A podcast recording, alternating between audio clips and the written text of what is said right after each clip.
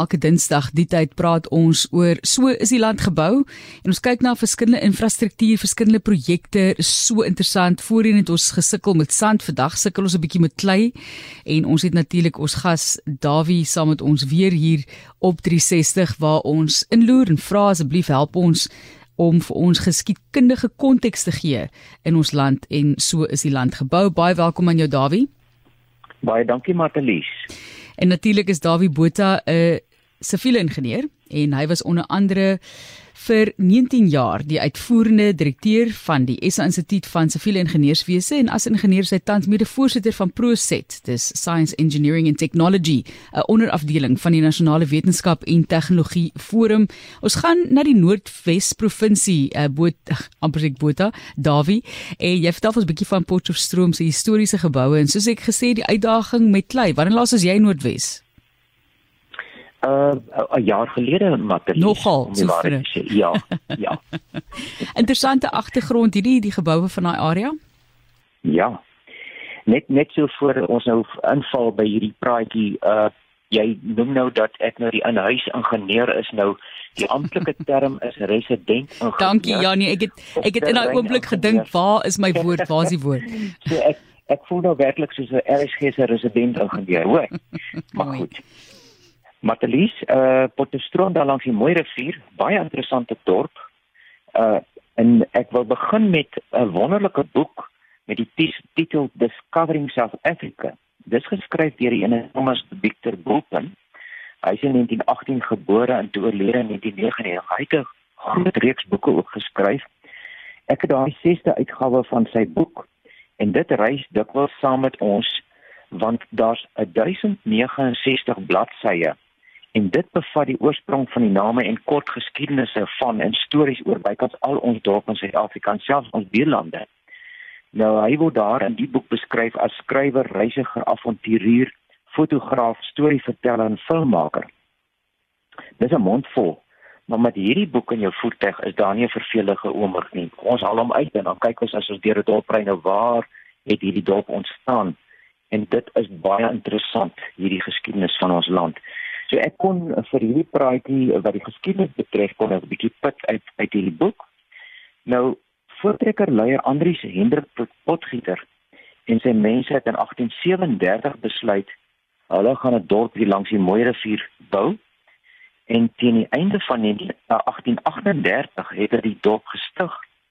Maar toe kom daar groot reëns en in 1840 besef hulle hulle het nou eintlik in 'n moerasgebied gaan sit. Nou 'n boer maak 'n plan en die oplossing was toe om stroom af te skuif na waar die dorp vandag is. Dit was natuurlik voor die tyd van stadsbeplanners, maar hierdie pioniers het die dorp in 'n streng reghoekige rypatroon uitgelê met breë strate.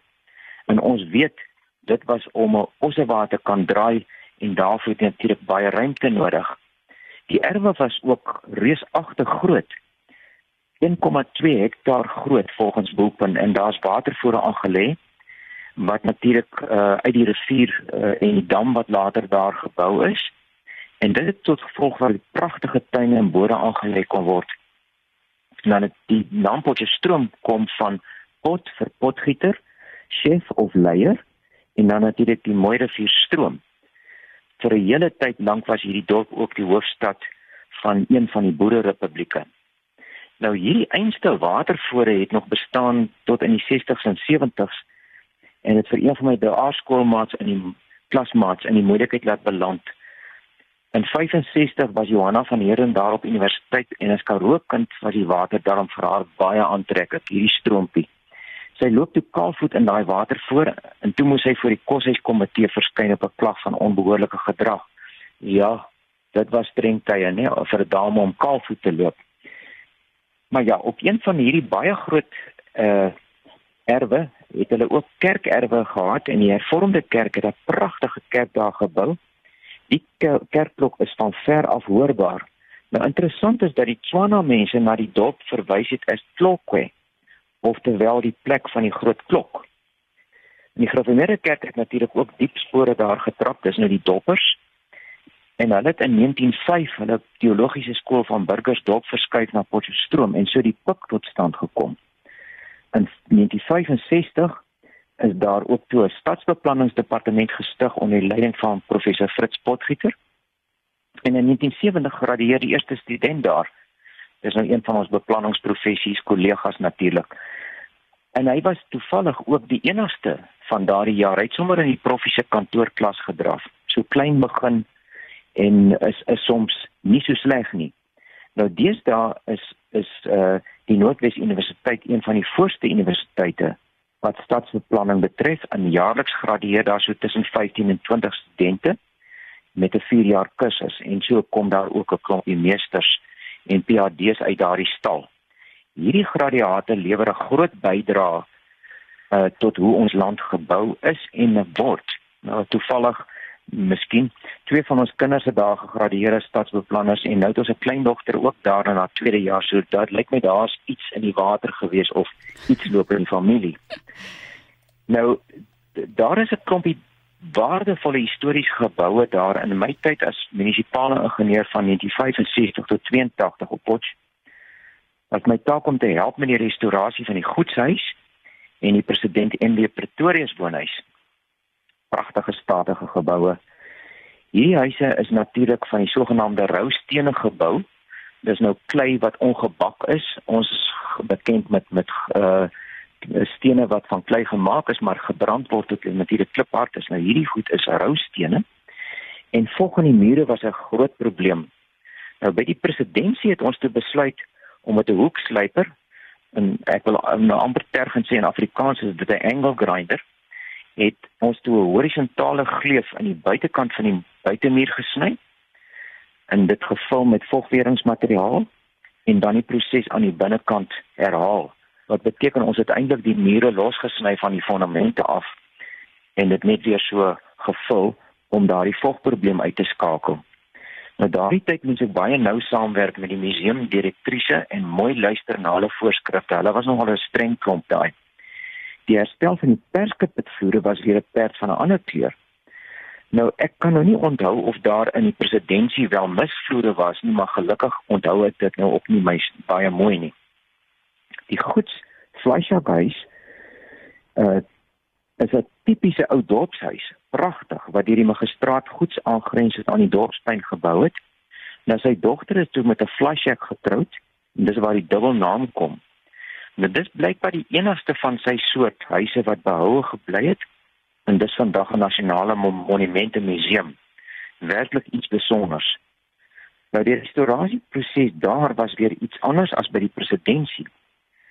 Die ou rietplafonne was gedaan en moes vervang word met nuwe riet en bo op hierdie riete is daar altyd 'n kleilaag aangebring vir 'n bietjie isolasie uh voor jy natuurlik nou die dak heel bo op gehad het. En om hierdie huis so naby as moontlik aan die oorspronklike te, te hou, het die destydse museumkuratrice mevrou De Tooy se span gaan navorsing doen. En hulle vind toe jou waarlik die kleigrond uh, wat uit die muursoope gekom het van die oorspronklike plek waar die goedshuise bly klei vandaan gekom het. Nou vir my as 'n siviele ingenieur was dit 'n openbaring om saam met hierdie historiese te werk. En ek moet sê dis 'n verrykende ervaring. Ek en sy was ook lede van die beplanningspan vir die bou van die nuwe biblioteek en die museum. En dan net so terloops. Tosie het ook 'n lang stap pad met Potchefstroom gestap en sy woonhuis op die Bult is vandag ook 'n museum. Maar ja, nou nog so ietsie oor klei. Potchefstroom se kleigronde is 'n behoorlike uitdaging daar al langs die mooi rivier af. Nou die rede hiervoor is dat as klein nat word, swel dit aansienlik. Ons het al voorheen daaroor gepraat daar oor die springbok vlakte se pad. En as dit droog word, krimp dit weer. En dit veroorsaak dat huise wat op klei gebou is, dikwels oop skeure in die mure het in die winter en kleiner skeure in die somer as dit reën. Ek het self in so 'n huisie, dit was ons eerste huisie in die Moot Riet, eh, Rietfontein in Pretoria. Nou tydens een baie droë winter in my potstyd het selfs van ons uh, dorp se vesel sement waterpype gebreek want hulle wou natuurlik nie saam met die klei krimp nie. En nou ja, nou kom die huiseienaars na ons toe by die stadsraad en ons moet asseblief raad gee oor hierdie kraak en nou die raad wat ons daai tyd gegee het was om die huis om 'n tuin te maak tot teen aan die huis en die grond nat te hou. want dis omtrent al maniere om 'n bestaande huis te stabiliseer. Jy kan eenvoudig nie die klei droog hou as dit begin reën nie. Nou vir nuwe huise kan mens natuurlik die hele huisoppervlakte uitgrawe, die hele uh voetspoor van daai huis. En ek was al by sulke plekke waar hulle tot die 2 meter diep uitgegrawe het. Dit word dan met stabiele grys opgevul voor jy weer fondamente grawe. En op ander plekke wat ons gedoen het, jy bou 'n vlot van gewapende beton, iets soos 'n boot, en dan dryf die die huis op hierdie vlot en die klei op die klei en dit kraak nie. Maar ja, Potchefstroom kan 'n mens 'n lang tyd besig hou. Maar vir my was dit werklik vormingsjaar as 'n jong ingenieur. Ehm um, en met die nodige agting vir ons stadingenieur Nedrikus Malan wat my nogal baie baie ondersteun het in my my eie kop laat volg het en ook gestamp het. Archie van Sail, Johan Moorman het ons met 'n groot verskeidenheid van projekte gewerk daardie tyd ingesluit het onder andere Suid-Afrika se eerste Olimpiese swembad met sogenaamde rimflow. Met ander woorde, daar's nou die water is nie onder die kant nie, hy hy loop oor die kant. Uh en die blaartjies gaan natuurlik saam as daar blaartjies in die swembad val. Die eerste geaktiveerde sluitstelsel vir die wolwerke, 'n busroete met moderne wagruimte vir passasiers, verskeie nuwe dorpsgebiede en nog baie meer. En ek wil net afsluit en sê ek moedig meer jong mense aan om om 'n beroep in een van hierdie uh, rigtings te volg want stadsbeplanning as ingenieur daar is nooit 'n vervelige oomblik in ons beroepe nie